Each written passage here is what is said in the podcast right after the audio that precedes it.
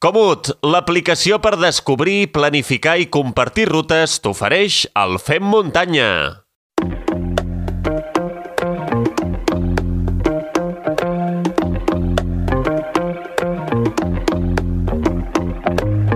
Després d'aquesta interessant eh, conversa amb la Clàudia Trems, ha arribat el moment de deixar descansar una mica les cames i exercitar la ment al fer muntanya. La veritat és que ja comença a fer goig la pila de llibres que programa rere programa ens acosta el Marc Cornet i si no vaig errat, avui col·loquem eh, la fita, el llibre que fa 18 del nostre Fem Muntanya de llibres. Marc Cornet, és així, no? Com estàs?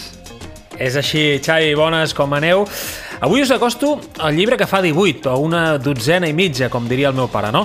De cada vegada més això del córrer no es tracta només de córrer, sinó també de tot el que implica aquest esport a nivell personal i com d'altres tasques personals, les nostres, les del cada dia, acaben condicionant també doncs, aquesta activitat esportiva que tant ens agrada, no? En el llibre que us porto avui podríem dir que el Tetris és extrem, eh? Entre totes aquestes facetes de l'existència, us dono una pista, si et sembla, perquè vegis que he estat atent al programa d'avui. Si et dic sobrassada Power, quin nom et ve al cap? Jo crec que només hi ha un sol protagonista mm, del podcast d'avui, Tòfol Castanyer, i si el concepte sobrassada Power va fer furor en el seu dia de l'equip eh, dins de l'equip Salomon, més enllà de la qüestió culinària, per aquest gran aliment que tenen les Illes Balears, Marc, podríem dir que això de la sobrassada Power amaga l'autèntica filosofia de vida del propi Tòfol Castanyer, que per cert ja ha passat aquí al Fem Muntanya i vam parlar de per què sobrassada Power, eh? Exacte, eh? El sobrassada Power. I t'ho dic jo que, com bé saps, he viscut molts anys a Mallorca i he conegut també de prop el propi tòfol. És la forma d'entendre la vida que té un corredor que amb 50 anys segueix gaudint com un nen quan es calça les bambes i corre per la muntanya. Però també, atenció, ho fa quan viatja per repartir productes de la seva botiga i, lògicament, també quan ajuda la seva dona amb les tasques diàries dels seus tres fills. Es pot ser empresari, pare de família nombrosa i competir amb èxit, molt d'èxit en curses de muntanya, en curses ultradistància?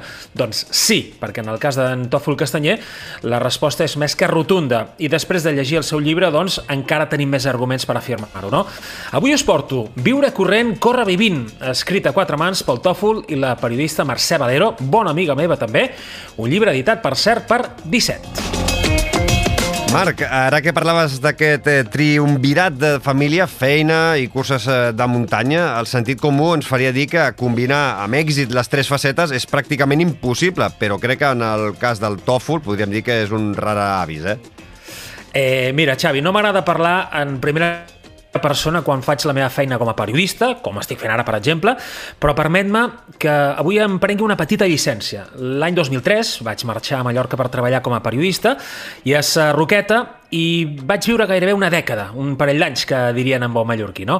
Doncs bé, pocs dies després d'arribar-hi, de fer amics també, que ara som família, i amb els qui he compartit desenes d'hores per sa serra de Tramuntana, ja em van deixar caure el nom de Tòfol Castanyer. D'alguna manera, en Tòfol, fa més de 20 anys, es va convertir en tot un referent de les curses de muntanya per Mallorca. Va ser, és i seguirà sent el seu Kilian Jornet particular, no? Un Kilian amb qui, per cert, sempre ha tingut molt bona relació i, de fet, el bo d'en Tòfol també s'ha sumat al projecte de Normal que ha engegat en Kilian conjuntament amb la marca mallorquina de Sabat Scamper. Mm -hmm. Amb això que ens expliques, Marc, que encara ens ajudes a posar en context la força d'en Tòfol Castanyer, una força que va traspassar les fronteres de Mallorca per arribar arreu del món gràcies també als seus bons resultats en curses d'ultradistància a nivell internacional. De fet, Xavi, en Tòfol té un club de fans fins i tot al Japó. déu nhi Sí, un corredor de Mallorca, de Solla en concret, té un club de fans al Japó. Sembla una conya, sembla, doncs, eh, potser mig en broma, però és així perquè el propi corredor mallorquí va conèixer la notícia mentre participava ja fa uns anys a l'Ultratrail del Mont Fuji. En els 20 capítols de Viure corrent, corre vivint, en Tòfol ens descobreix anècdotes, vivències i també records únics de tota la seva vida, tant a nivell personal com professional. Com a bon mallorquí, en Tòfol podríem dir que ens ofereix les seves vivències amb total modèstia. Un llibre que espera que pugui servir de motivació i també, sobretot, reflexió per tots aquells que creuen que l'edat i la feina poden ser excuses de mal pagador. En coneixen molts d'aquests, eh? Mm -hmm. En Tòfol deixa clar que l'edat no és cap impediment i sí sobretot una motivació per seguir fent i gaudint d'allò que més li agrada. Ara bé, tenint en compte que el més important en la seva piràmide personal no és córrer, no és la feina, sinó que al capdamunt de tot sempre hi ha la seva família, la seva dona i els seus tres fills. I en certa manera, Marc, eh, podríem dir que el llibre és fruit de la pandèmia, no? Perquè sense el coronavirus potser no hauríem pogut gaudir d'aquesta lectura. Com et deia abans, Xavi, la meva bona amiga Mercè Valero, la coautora del llibre, es va posar en contacte durant el confinament amb en Tòfol per fer realitat una idea que ja li rondava pel cap des del 2017. Havien coincidit diverses vegades en diverses entrevistes per a IB3 Televisió i, de fet, durant el confinament es van enviar més de 9 hores i mitja d'àudios de WhatsApp, Buah. repeteixo, eh? 9 hores i mitja d'àudios de WhatsApp fins a fer realitat les 272 pàgines que té aquest llibre malgrat el que pugui pensar mm, en una agenda diària on no hi ha cap esquerda sense omplir, en Tòfol és una persona molt pràctica. Per tant, el sistema d'àudios de WhatsApp li va posar la vida ben fàcil. Eh? La Mercè es va amullar, podríem dir, el seu dia a dia. En aquest sentit, aquests 20 capítols dels quals us parlava, que sempre prenen com a excusa, per cert, alguna cursa, són en realitat 20 excuses, 20 temes dels que en Tòfol tenia ganes de contar, tenia ganes de parlar, i ho fa amb l'ajuda d'amics, companys i també família. Uh, ho podríem resumir també tot plegat en una frase que trobem a les primeres pàgines del llibre i diu així, obro cometes, eh? La vida i les experiències viscudes et fan fort mentalment. L'entrenament mental radica sols en l'aprenentatge de les situacions viscudes, tant les bones com les dolentes. Assimilar-les de manera positiva és el que et fa fort, tanco cometes.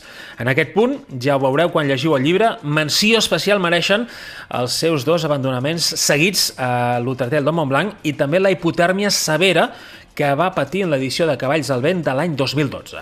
En Tòfol, fins i tot, eh, va una passa més enllà amb una altra frase quan diu que amb l'esport es pot moure un món sencer. De fet, Xavi, Tòfol Castanyer va ser, podríem dir, un dels primers esportistes que es va donar de la potència i també de la força que un esportista d'elit podia donar doncs, als seus reptes personals. Des de fa més d'un lustre, sempre intenta fer realitat les seves corolles esportives, que són moltes, amb un rerefons, eh, amb un rerefons solidari.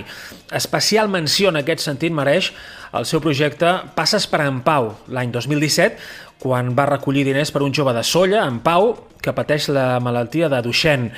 En Tòfol va creuar d'anada i tornada, eh? Repeteixo, d'anada i tornada tota la serra de Tramuntana, 190 quilòmetres en total, en 32 hores i 45 minuts. Una autèntica bestiesa. Però en Pau i el seu esperit el van ajudar sobretot també en els moments més complicats que, com a tot repte d'aquestes característiques, també n'hi va haver. No?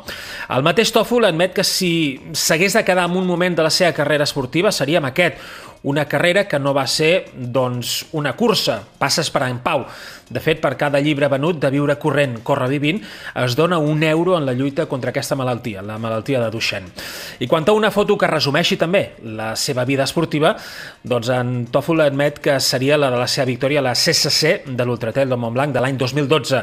De fet, s'ha convertit en una de les instantànies més icòniques de les curses de muntanya i, òbviament, no podia ser d'una altra manera, és la foto de portada d'aquest llibre. I el mateix Tòfol ha admès eh, que s'ha buidat de tal forma en aquest llibre que hi ha dins eh, i fins i tot detalls de la seva dona que, que ha descobert després de, de llegir-ho, eh, que la seva dona no, no, no ho sabia pot semblar difícil d'entendre, Xavi, però pels que hem viscut a Mallorca és totalment propi a vegades del caràcter mallorquí. I t'he de dir que en Tòfol ho és molt, eh? però molt de mallorquí. Sí, Ell mateix admet que viure corrent, córrer vivint, és una forma de tancar un cercle i amb això no m'entengueu malament perquè encara no ha posat data de caducitat a la seva carrera esportiva, sinó que en Tòfol reconeix que amb aquest llibre el que vol és transmetre uns valors i unes vivències que millorin el món. Eh, amb això es donaria per satisfet i textualment diu seria el tio més feliç del món. I feliços que seríem nosaltres, eh? d'haver tingut avui amb nosaltres el propi Tòfol Castanyer i també el seu llibre que ens acabes d'acostar, Marc. Eh, per cert, que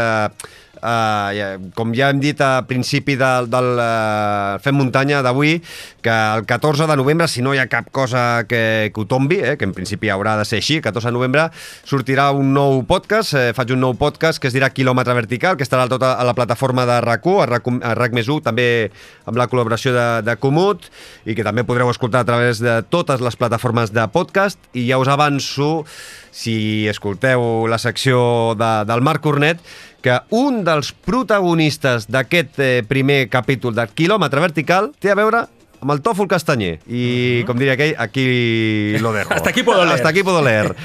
Eh, Marc Cornet, eh, com sempre, un plaer que ens portis eh, aquest llibre eh, super interessant, fàcil de llegir, i no sé si ens vols eh, explicar alguna coseta més abans d'acabar. Molt ràpid, Xavi, sense muntanya, sense natura, no hi ha vida, eh? Repeteixo, sense muntanya, sense natura, no hi ha vida, ni nostra ni de ningú. I el propi Tòfol també ho resumeix amb una frase en l'epíleg final. Ningú vindrà a posar-ne més de muntanyes. Si no les estimam, si no les mantenim netes, si no les protegim, ens les carregarem. Mm -hmm. Doncs una sentència que firmem també des d'aquí, des del Fem Muntanya. Marc, moltes gràcies, com sempre, cuida't molt i ens escoltem i ens llegim d'aquí 15 dies. Una abraçada. Moltes gràcies a tu, Xavi. Com sempre us dic, eh? salut, muntanya i, sobretot, molta lectura.